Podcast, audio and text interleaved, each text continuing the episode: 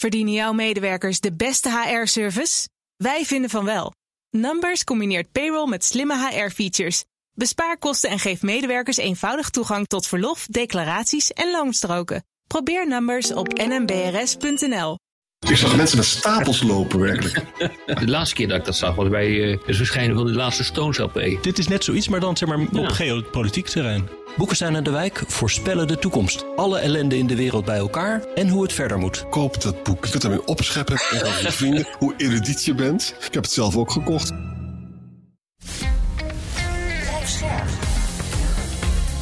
BNR Nieuwsradio. Boekenstein en de Wijk.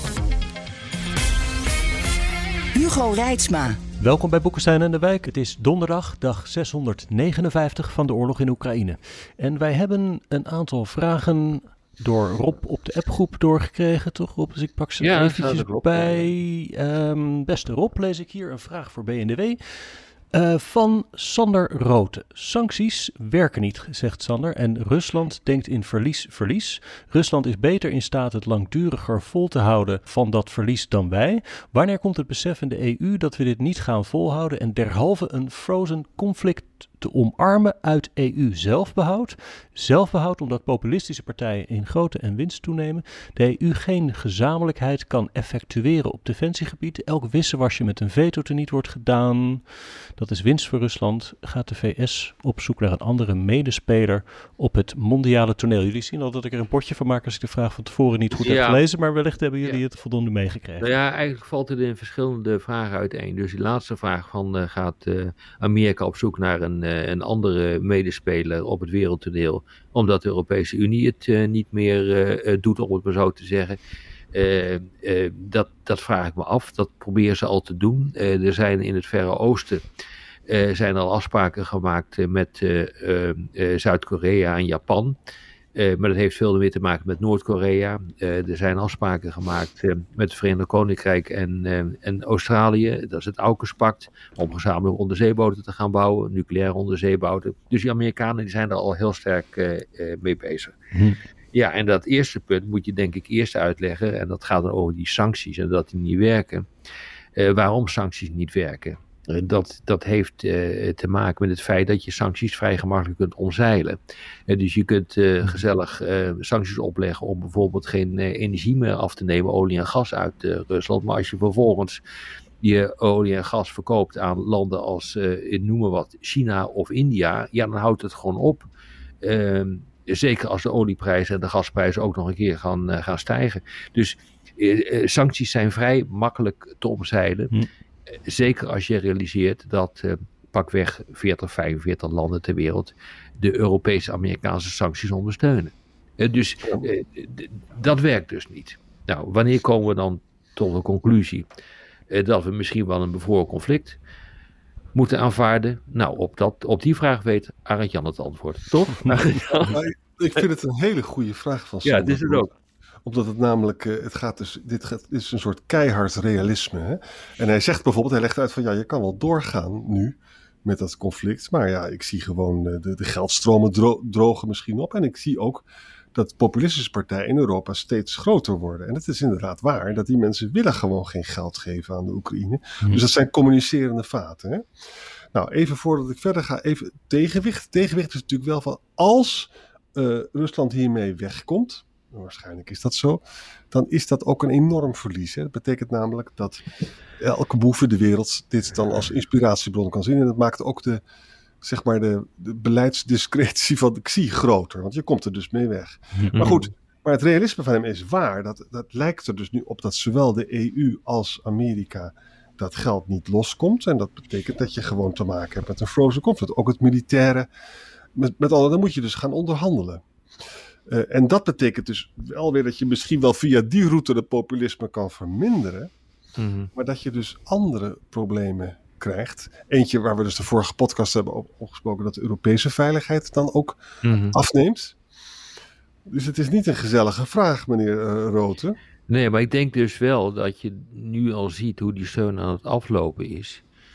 Eh, dat, eh, dat je dan ook een situatie gaat krijgen waarin wordt geaccepteerd dat, eh, dat bevroren conflict gewoon een fact of life is. Ja. Ik, ik vrees dat dat gaat, eh, gaat gebeuren, want ik zie op dit ogenblik, nou ja, wie- iedereen die deze podcast eh, volgt, die zal het wel beamen dat we dat zo langzamerhand zo zien, dat de eh, Oekraïners eh, niet heel veel terreinwinst kunnen gaan boeken. Ik bedoel, de wonderen zijn de wereld nog niet uit en zeg nooit nooit, maar wat we nu kunnen, eh, kunnen zien is dat, eh, dat dit muur vast zit. Dat misschien eh, Rusland nog wat vordering eh, kan maken. Maar dat houdt dan ook op. Ja, en je kunt niet eeuwig zo doorgaan. En zeker als er een soort ja, uitzichtloosheid ontstaat in deze oorlog. En het gevoel dat niemand meer een stap naar voren kan zetten. Ja, dan zul je gewoon in Europa, maar ook in Amerika, een situatie krijgen waarin men zegt van, nou, ga maar onderhandelen. En dat, dat, dat betekent dus dat feitelijk eh, Oekraïne delen van zijn land kwijtraakt. Ik zag een Republikeinse eh, congres, congreslid die het ook gewoon zei: van nou, Oekraïne moet maar gewoon onderhandelen. Het wordt steeds opener, wordt het gezegd. Hè? Ja. En ook door de, de voorzitter van de Council of Foreign Relations een maand geleden hebben we toen aangehaald. Die zei ook van, dit moet gewoon een, dit wordt voor ons een conflict. En ze moeten nu maar een defensieve strategie gaan kiezen. En we moeten maar hopen dat Oekraïne sterk genoeg is voor een defensieve strategie. Ja, herinner je nog dat eh, artikel in beeld? Ja, Was dat, was dat niet vorige week of zo dat we dat eh, behandeld hebben? Ja. Eh, waarin stond dat zowel de, de, het de Duitsers als de Amerikanen nu aan het nudgen zijn. Oftewel kleine duwtjes geven Zelensky in een bepaalde richting met de hoop dat hij ooit eens een keer gaat onderhandelen. En dat doen ze door de wapenleveranties te temporiseren, hopen ze eh, dat ehm, eh, Zelensky in een bepaalde richting wordt eh, geduwd. Het zou me zelfs niet eh, verbazen als een groot deel van de Republikeinen dit ook als strategie hebben op dit ogenblik. En dat dat ook een belangrijke reden is om zo dwars eh, te gaan, liggen, eh, te gaan liggen. en, en die mensen gebruiken natuurlijk ook de verdeeldheid van Oekraïne zelf. Hè? Ja. Dat ziet er natuurlijk heel lelijk uit. Ja. Maar zou dat, als je het zo somber inziet, misschien helemaal niet zo'n hele slechte uitkomst zijn als Oekraïne dan maar wat gebied in het oosten verliest en de rest lid wordt van de NAVO en je een harde grens creëert tussen Europa en Rusland met de nucleaire dreiging erbij en dan, dan wordt het in elk geval stabiel? Eh, dat, dan blijft het instabiel in Oekraïne. En wat doe je dan met Oekraïne, waar je zoveel geld en zoveel politiek commitment eh, in hebt eh, gestopt? Dus ja, je hebt gelijk als het gaat over de hele grens van, eh, bij wijze van spreken, eh, de Noordkaap eh, eh, langs Finland naar beneden. Eh, dat, die zou je op die manier kunnen versterken. Je krijgt gewoon een nieuw ijzeren gordijn. Alleen, eh, veel westerse politici hadden natuurlijk gehoopt dat Oekraïne aan onze kant van het ijzeren gordijn zou eh, komen te liggen. En dat is dan niet het geval. Nee, Dus- maar dan, dan zou toch het grootste deel van Oekraïne aan onze kant kunnen komen liggen? nou, dat is maar zeer de vraag. Want hoe zou je in eh, die situatie dat land lid kunnen, maar de, kunnen maken van de NAVO, de Europese Unie? En dat gaat nog wel even duren. Dat kan ook allemaal geveteld worden door alle handen landen. Hm. Dus dat zie ik op korte termijn ook niet gebeuren. Maar in principe zou je gelijk hebben dat je de romstaat Oekraïne lid maakt van de NAVO. Maar zie je het gebeuren? Ik, ik kan niet goed een scenario op dit ogenblik bedenken waarin dat daadwerkelijk gaat eh, gebeuren. En nog even afgezien van het feit dat Trump misschien de hele NAVO opblaast. Hè? Moet je je voorstellen wat er dan Hmm. gebeurt. Ja, dat, dat kan. Nou ja, goed, dan doen we het in het kader van de Europese Unie. Dat kan ook, want er zit namelijk ook een collectieve defensieclausule in. Die overigens nog veel steviger is dan artikel 5 van de NAVO. Dus het, het kan wel. Maar eh, fijn, is het, eh, fijn is het niet. Nee, ik denk dat eh, als je dan een staakt het vuren hebt en een bevoren conflict. En het, het hele punt van een bevoren conflict is ook, nou ja, daarom heet het ook een bevoren conflict, dat je kan laten ontdooien.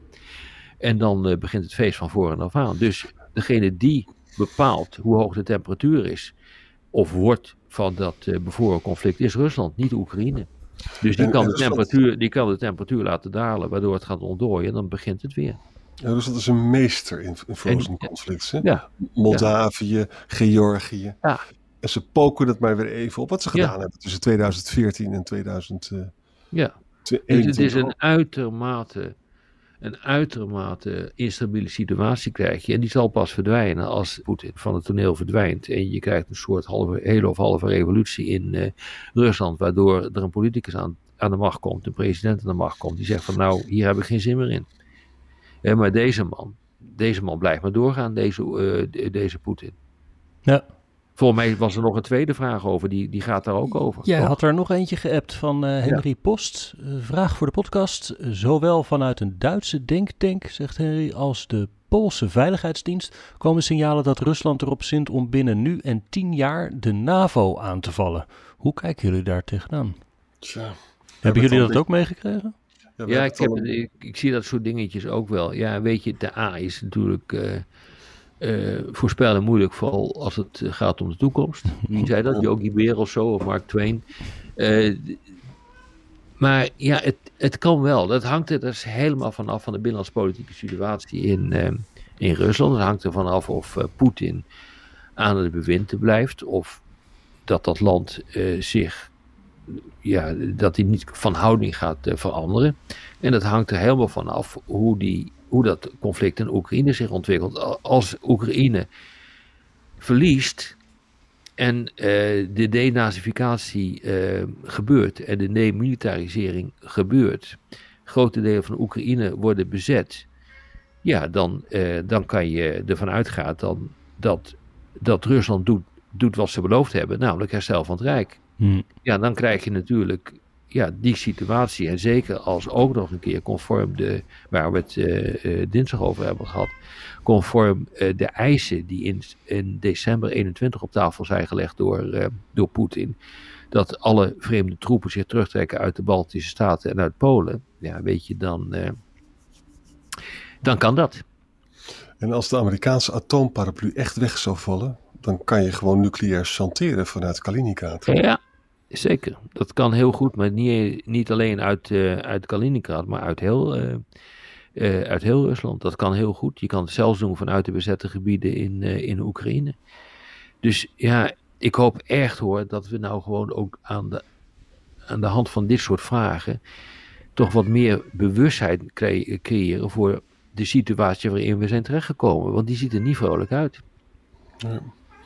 Al die mensen die geijverd hebben voor de afschaffing van het kernwapen, die zullen er straks nog om smeken dat ze, dat ze er een hebben. Oh, nou, Arik Jan, ik kan je melden dat, eh, dat ik denk dat, eh, eh, dat de vraag om afschaffing van het kernwapen eh, weer zal opzwellen. Want dat gebeurt namelijk altijd precies op het verkeerde moment. op het moment dat je echt eh, dat kernwapens weer een rol spelen en afschrikking een rol spelen, dan wordt er gevraagd om afschaffing van die kernwapens. Ook unilateraal, waarmee men denkt dat het dan het probleem voorbij is. En dat is natuurlijk onzin, dat is helemaal niet zo. Maar dat hebben we natuurlijk gewoon continu gezien in de geschiedenis, dat dat gebeurt.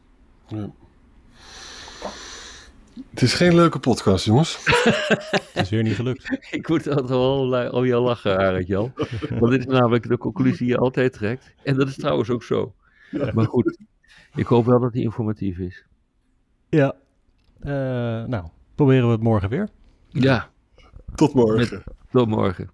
Verdienen jouw medewerkers de beste HR-service? Wij vinden van wel. Numbers combineert payroll met slimme HR-features. Bespaar kosten en geef medewerkers eenvoudig toegang tot verlof, declaraties en loonstroken. Probeer Numbers op nmbrs.nl.